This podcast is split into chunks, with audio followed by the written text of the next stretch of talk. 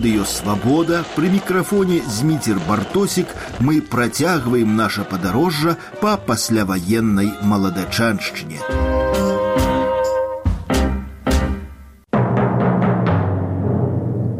Напрыканцы сорокавых гадоў у заходняй Беларусі дзейнічала не адна падпольная моладзевая арганізацыя. Слонімская чайка, пастаўскі і глыбоцкі саюз беларускіх патрыётаў, баранавіцкі камітэт вызвалення Беларусі, нясвійскі саюз змагання за незалежнасць Беларусі, мядзельска-смаргонскае моладзевае падзем'е. Слядоў гэтых крымінальных справаў у маёй тэч рэчцы быць не можа, бо гэтыя справы разглядаліся не ў абласных судах. Гэтых людзей судзіў ваенны трыбунал. Але абысці увагай гэтую старонку ніяк нельга. Тым больш, калі яшчэ жывуць удзельнікі тых працэсаў. Сёння мы поедем у Карэлічы, у суседнюю баранавіцкую вобласць, дзе жыве звычайны беларус з вельмі незвычайным тайным лесом. Вильня, я лечу, это ж белорусский центр культуры нашей. Ну, чамусьці в истории преподается, что это литовский город, польский город, ну что не был. А на самом деле все наши продки, белорусские дети, з Вінні паховалася. Там центр був беларускай культуры, гімназія, універсітэт беларускі.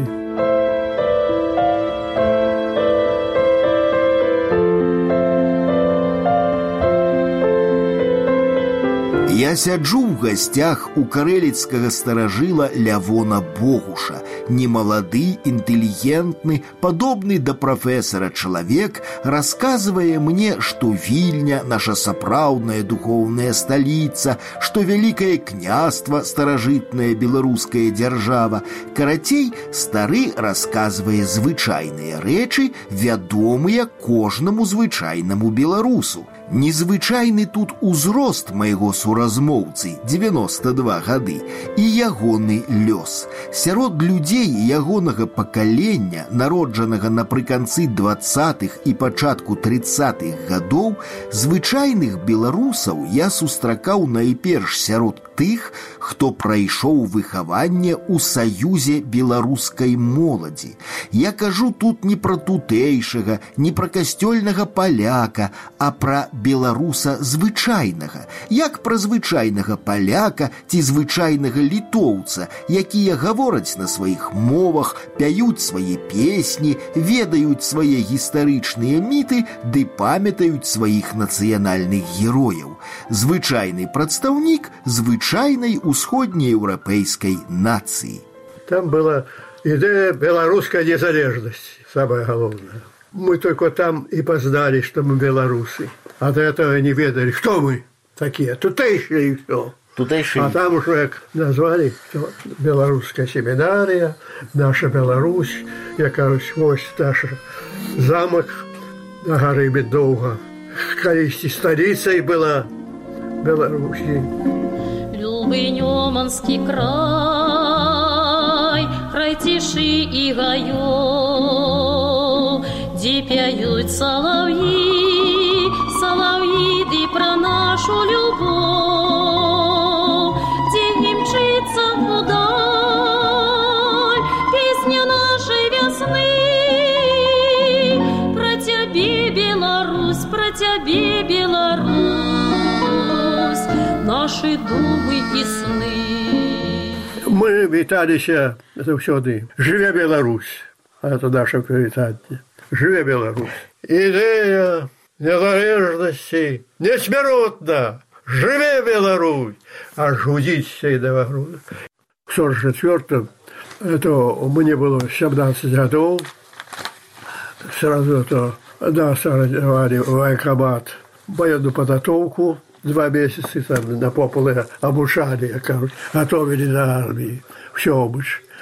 Пасля купцы приехали из Урала, и через военкомат мобилизовали у ФЗО. Подменить, как призвать, уже, кажуть, здоровое войско, а наш молодых замяніць на станцыі на заводах на прадпрыемствах іх падмяніць а за шесть месяцев обучили поставили токарами, слесарами, домельщиками, угу. профессию дали из ФЗО. Мало что помню, 44-го, як поясни меня Урал, только помню, что мы спевали песню на выгнании.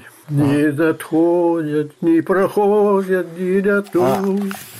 Биться в рейк бурливій хвалі далі пливу.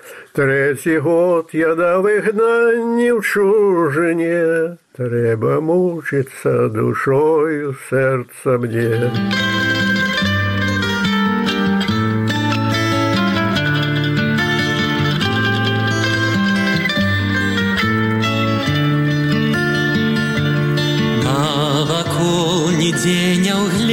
Угледишь родных хат, Не протягне рук зычливо родный брат.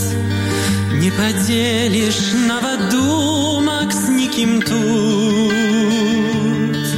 Не пригорне в одиночестве родный кут.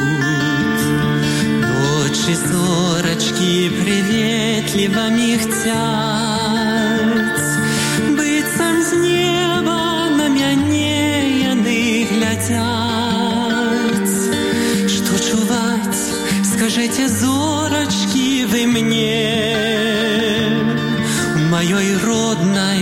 далёкай старане. Наўрад ці Сергей Новік Пяюн, калі пісаў у 29 годзе свае зорачкі, думаў, што гэтая песня стане для многіх беларусаў сапраўднымі лекамі у такіх пякельных выгнаннях, якія ў 29 нават не ўяўляліся, калі б лявон Богуш, звычайны беларус, колішні навучэнец наваградскай настаўніцкай семінарыі, былы чалец СБМ застаўся б на ўрале, можа быць злы лёс і абмінуў бы яго. Але ў 47 годзе наш герой вяртаецца на радзіму, дзе звычайнаму беларусу знаходіцца знаходзіцца небяспечна. Лявон Богуш становіцца студэнтам эканамічнага тэхнікума у тым самым наваградку, над якім яшчэ тры гады назад у 44 разляталася іх гучная жыве Беларусь. С третьего курса с урока нас на конверт забрали. А чего-то было, это трудно объяснить, чи там провокация была, что что. Ну, наш третий коллега был у Бресте, и он на год ранее из Урала учил. Там связался с такими э, подпольной организацией белорусской, националистичной. И як на каникулы он приезжал на отпуск, сустракаўся з нами і мы некую распіску распісалі в общем чорна белая на виде прысягі а бумажка попала ў кгб по сутнасці вы не прымалі удзел ні ў якай арганізацыі ну, только что эта сустрэча была под пятую руку разговор и эта бумажка словы написаны были и это послужило як нам этой з нами разом сидел кажа вы ж сами себе паспорт у тюрьму написали. Это кто сказал? Как закрыть дело этой организации, поставленный был человек, который ничего с белорусским делом не имел. И он Кировника, и не моего человека Кировника этой организации, сказал, ты ж продатель, ты провокатор, ты ж детей этих посадил, загубил водокол. Ты ж продал их заставив паспорт в тюрьму написать Колькі ж яшчэ існавала арганізацый, выдуманых у кабінетах МГБ. Колькі маладых людзей атрымалі 25гадовыя тэрміны толькі за факт подпісу. Некалі гэта будзе вядома, тады, калі знікне ўлада НКВД, МГБ, КГБ. Вот такого. А провокатор кто это был? провокатор, это я лечу, что он провокатор, тумашчик. Он сам Скорелич. Но и он был на ссылце, там выдал, повев организовал. Их посадили, постреляли, которые были. А он чисто вышел. И с нами я так был. Но с нами его судили. для показухи. Но умовы совсем другие у него были. Самая сила у советской этой системе была это сексотство, секретные сотрудники. Это не столько как армия, а секретные завербованные сотрудники, которые доносили, продавали. И вот такие вот сексоты, я кажу, организовывали многие под, подпольные группы, и потом пересадили шмат невидного народа. Это я так лечу, это моя, я кажусь, моя думка. З кнігі міхася чарняўскага як пошух маланкі пра мядзельскае антыкамуністычнае падзем'е вядома, што супрацоўнікі МГБ да сапраўдных падпольшчыкаў прымянялі ўвесь папярэдні досвед катаванняў ад гішпанскіх іголак пад пазногці да кітайскай кроплі на галаву. Але з удзельнікамі сфабрыкаваных спраў следчыя абыходзіліся гуманна нават дазвалялі сабе палітэканамічныя дыспуты. Калі яны вялі гэтую справу, вас на допытах не катавалі, не білі, не. Не, ну як для виду сам следователь, хоть еврей был, ну, разумный человек, як один на один, и особенно и, и про политику говорил, про про науку яны што ж изучали политэкономию, это марксизм, ленинизм, а у нас финансовая техника это политэкономия был головный предмет. И он со мной, да, как это понимать, капитал, прибавочная стоимость, как создается капитал. И он говорит, ничего ты не разумеешь. Прибавочная стоимость машины не создаются. И я говорю мне, кара, тебе, я, короче, вывезут, ты будешь строить только бесплатно, кажется. Потому что треба развивать экономику, строить заводы, железные дороги, шахты, уголь добывать. Все же это треба платить за это. А кто поедет робить туди, до Чевер, на те шахты? Никто ж не поедет. Бо на это треба великие гроши. Где их взять? Вот этой системой МГБ давали уже шаловным везли этих людей, я кажусь, и будовали коммунизм. Вот это мы стали прибавочную стоимость, политэкономию на практике. Сколько вам дали? Ну, сразу 25 дали. Ну, что ж. Могли, я кажу, і розсердати, все, что Ну, его не было тогда. Тоді тим часом не было что-то. Хотели были принять дни, не приняли это закону. Лепше было використати, щоб это, кажуть, списать. И покуль Сталин жил, бы не было 25 як ён ужо пасля яго смерці мне 15 гадоў здзялі. Вы памятаеце свае адчуванні. Вы спадзяваліся вернуться ці не, ці это было просто кошмар, все, жыццё закончилось. Я... Не, я аптымістычны быў заўсёды. Такое захварэў, туберкулёзам это забарэў. Два годы прорабіў, у землю меня не убрали у шахту на поверхности. Это назывались мехмастерские мы для этого все оборудование, для шахтеров, для машин, для групп машин на, у мастерских наверху робили. Это было... Я оптимистичный был в этом отношении. Да как я захворел туберкулезом, этой формой, вот как Подонович читал вот мне это настольная книжка, мне это самое, кажется, близкий человек, Максим Богданович, что он пережил почти то, как я. Мне посчастило, Ён хоць і я кажу захварэў у тут у этих у ялце лячыўся но это ўжо смяротная хвароба была мало хто выхадзіў mm -hmm. мне пашчасціла у тых умовах я кажусь нечалавечых с такой хваробай вярнуцца як я захварэў этой хваробай мне надзеі ніякай не было стратил все надеи, потому что поместили вот я туберкулезный стационар, ты был в палату с открытой формой, э, палочки это нашли, кровь у меня, короче, пошла. Надеи никакой нема.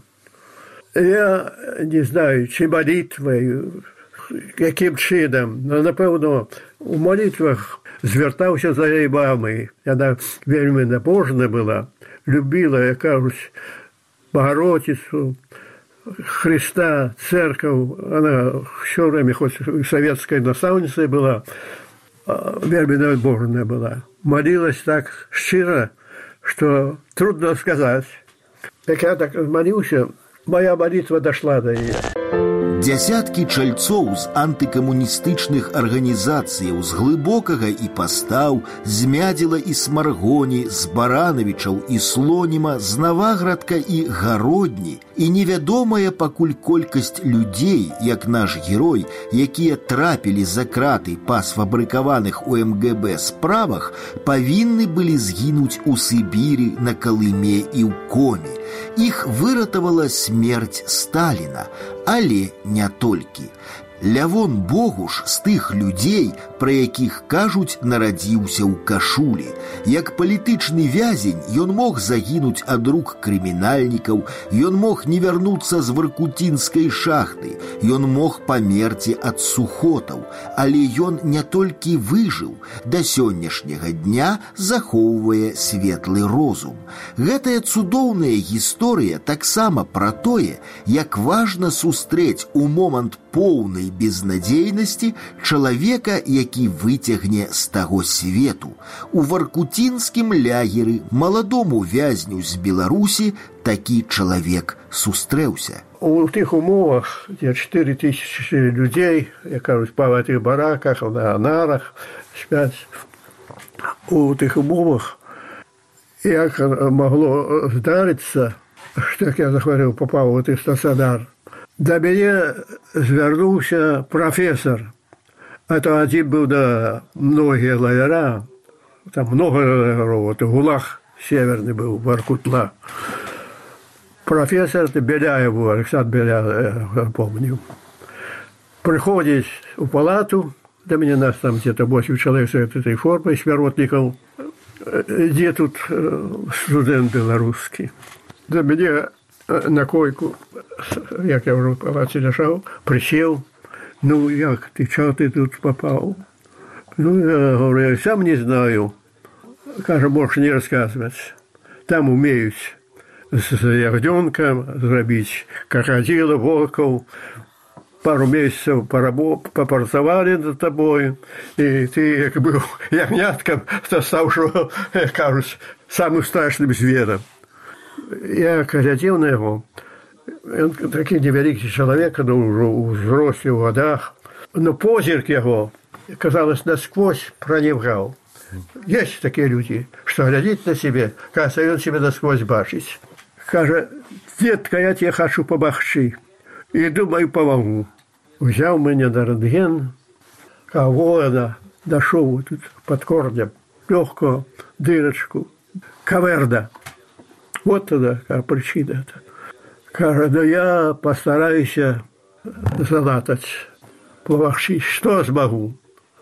Як это получилось? Семь годов я уже вернусь сюда, и будучи жил в техникуме, еще тут поддавали меня, выключено было. Это все в лагерной клинице? Это в лагерной клинике. И он меня научил, каже, как ты николи не думал, что ты хворый, как ты там адчаюўся гэтыя шехіры якія гэта людзі самі се каб скарэй сысці у магілу не адчайвайся открывай фортку по любом морозе там 40 градусны морозы фортка каб была адкрыта заўсёды хоць 5 градусаў 7 градусаў да дварэ каб все было адкрыта днём гуляй кругом па зоне дорожка есть, каля проволоки. И самое главное, с палаты вывел меня этой.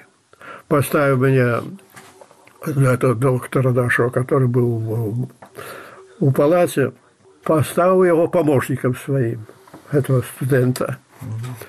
Меня в отдельную палатку положили, и я стал вот, помогать доктору нашему который туберкулез лечил. Как я был занятый, как я не думал. И самое главное приказал, как ты не думал, что ты хворый, думаешь, что ты здоровый. Можешь это, играть на чем играй, можешь карты там, чи что-нибудь, как ты не думал про хворобу свою. А я что, я не музыкант, стихи не умею писать. что я умел? Спевать только сам себе. И я то день, день и ночь, кажусь, спеваю. Не могу поравнать себе с солнцем, твоих ясных огнистых очей, бо не светить мне солнце с небесов ярким светом у темной шеи. Не могу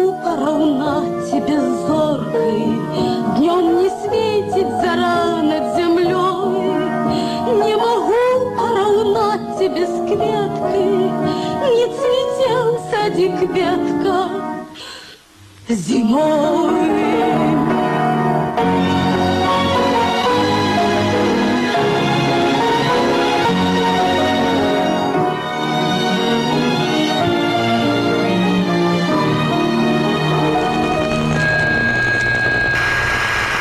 Мог лявон богу ж загінуць і ад прыроднай стыхіі падчас буры на паўночнай рацэ.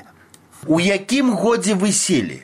Это... У якім годзе посадили меня? В 49-м. В 49-м. И вышли вы в... В 56-м. Вы працавалі при лагерной больнице, так? О, после этого я еще попрацаваў расконвоированы был, плотником неким был, строил там через речку эту Печорач, як она называлась, переплывали там это коми СССР, это коровники, і ще здарення таке було, як я там працював. На лодках ми перепливали через цю рожку. І одночі, що нам треба було, з нами один каваїр був, і наш чоловік 20 строили это коровник, где те местные комики жили. Переплыли эту речку, на лодку сели троих, я белорус, один эстонец, один латыш троих. Соломы, там седа, что держал до травы добраться, матрасы, где мы там зашивали. И, когда плыли на этой лодце троих мы, лодка невеличкая, бура пошалась. Темнело небо, а речка километр шириной.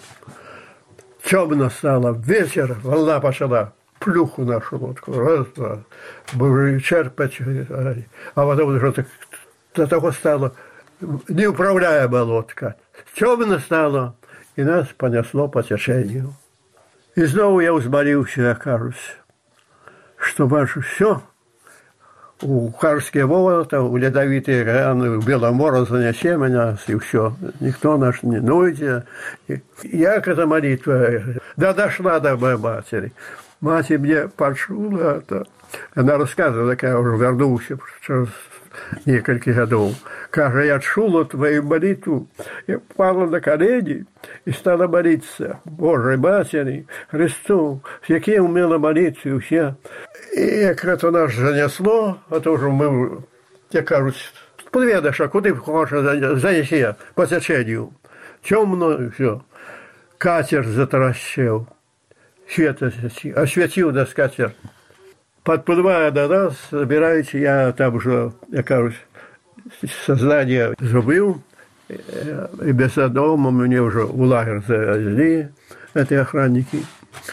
Я через 3-4 дня только очухался. У тих умовах, это ж наших, что были в, том, в больнице, ни один не вернулся. Самые крепкие, с легкими очажками, они почти повмирали. Это профессор Беляев сказал, а ты, деточка, будешь жить долго. Глядел на меня, как будешь очень долго жить. И сам будешь дивиться. Я когда такой глядит на меня и так говорит, як дивно, а?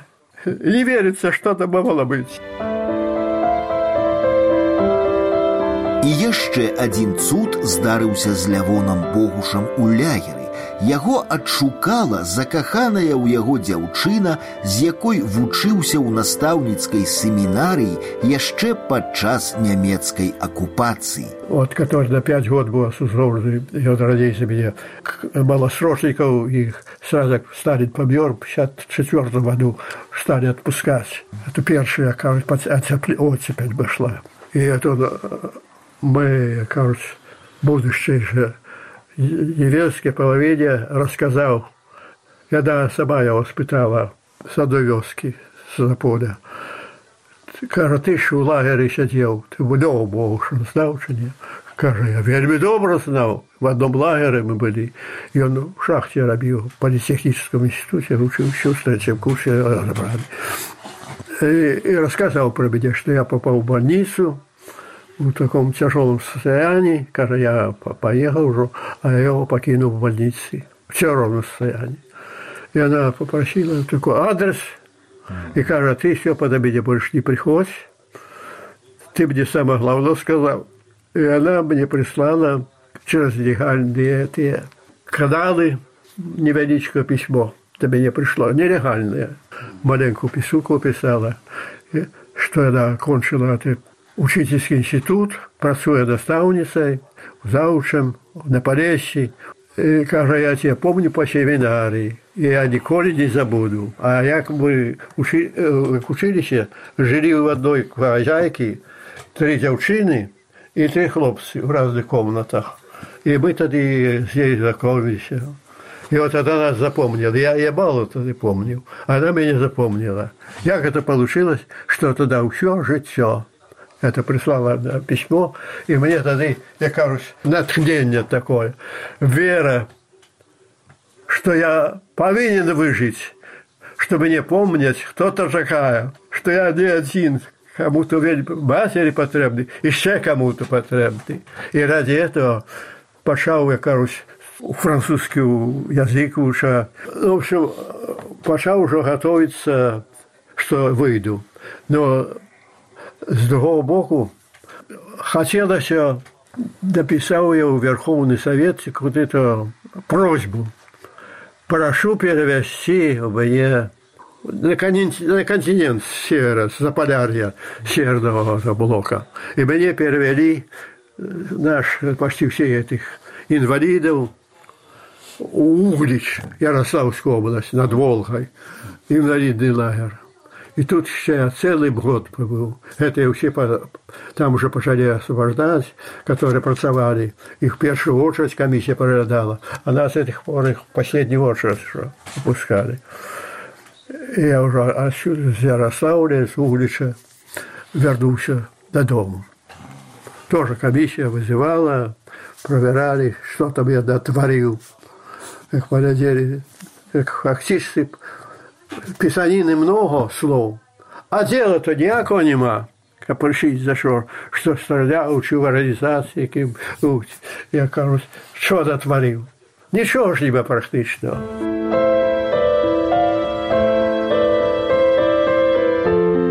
Па вяртанні з варкуты лявон Богуш пабраўся шлюбам з той, дзякуючы якой выжыў адвучыўся, працаваў ветэрынарам, дажыў да ўнукаў і праўнукаў. Спадар Лявон лічыць, што яго пасадзілі ні за што, але гэта не так. Памылкі ў дзеяннях МГБ не было. Янка Брыль аднойчы выказаў думку, што калі б беларусу загадала начальства быць беларусам, дык гэта быў бы ого-го, які беларус. На адрас беларусаў словы клясыка гучаць не надта камплементарна. Асабіста я самых сапраўдных беларусаў сустракаў якраз не з ліку тых, каго абеларусілі пад прымусам. Зрэшты такога ў гісторыі, здаецца, і не было ніколі. А вось тыя, хто ад нараджэння ніякай іншай мовы не ведаў, хто затым прайшоў у польскіх школах навуку нацыянальнага прыніжэння, а праз пэўны час ужо за немцамі, дзякуючы беларускім настаўнікам уздыхнуў на поўныя нацыянальныя грудзі, адчуў сябе чалавекам, гаспадаром сваёй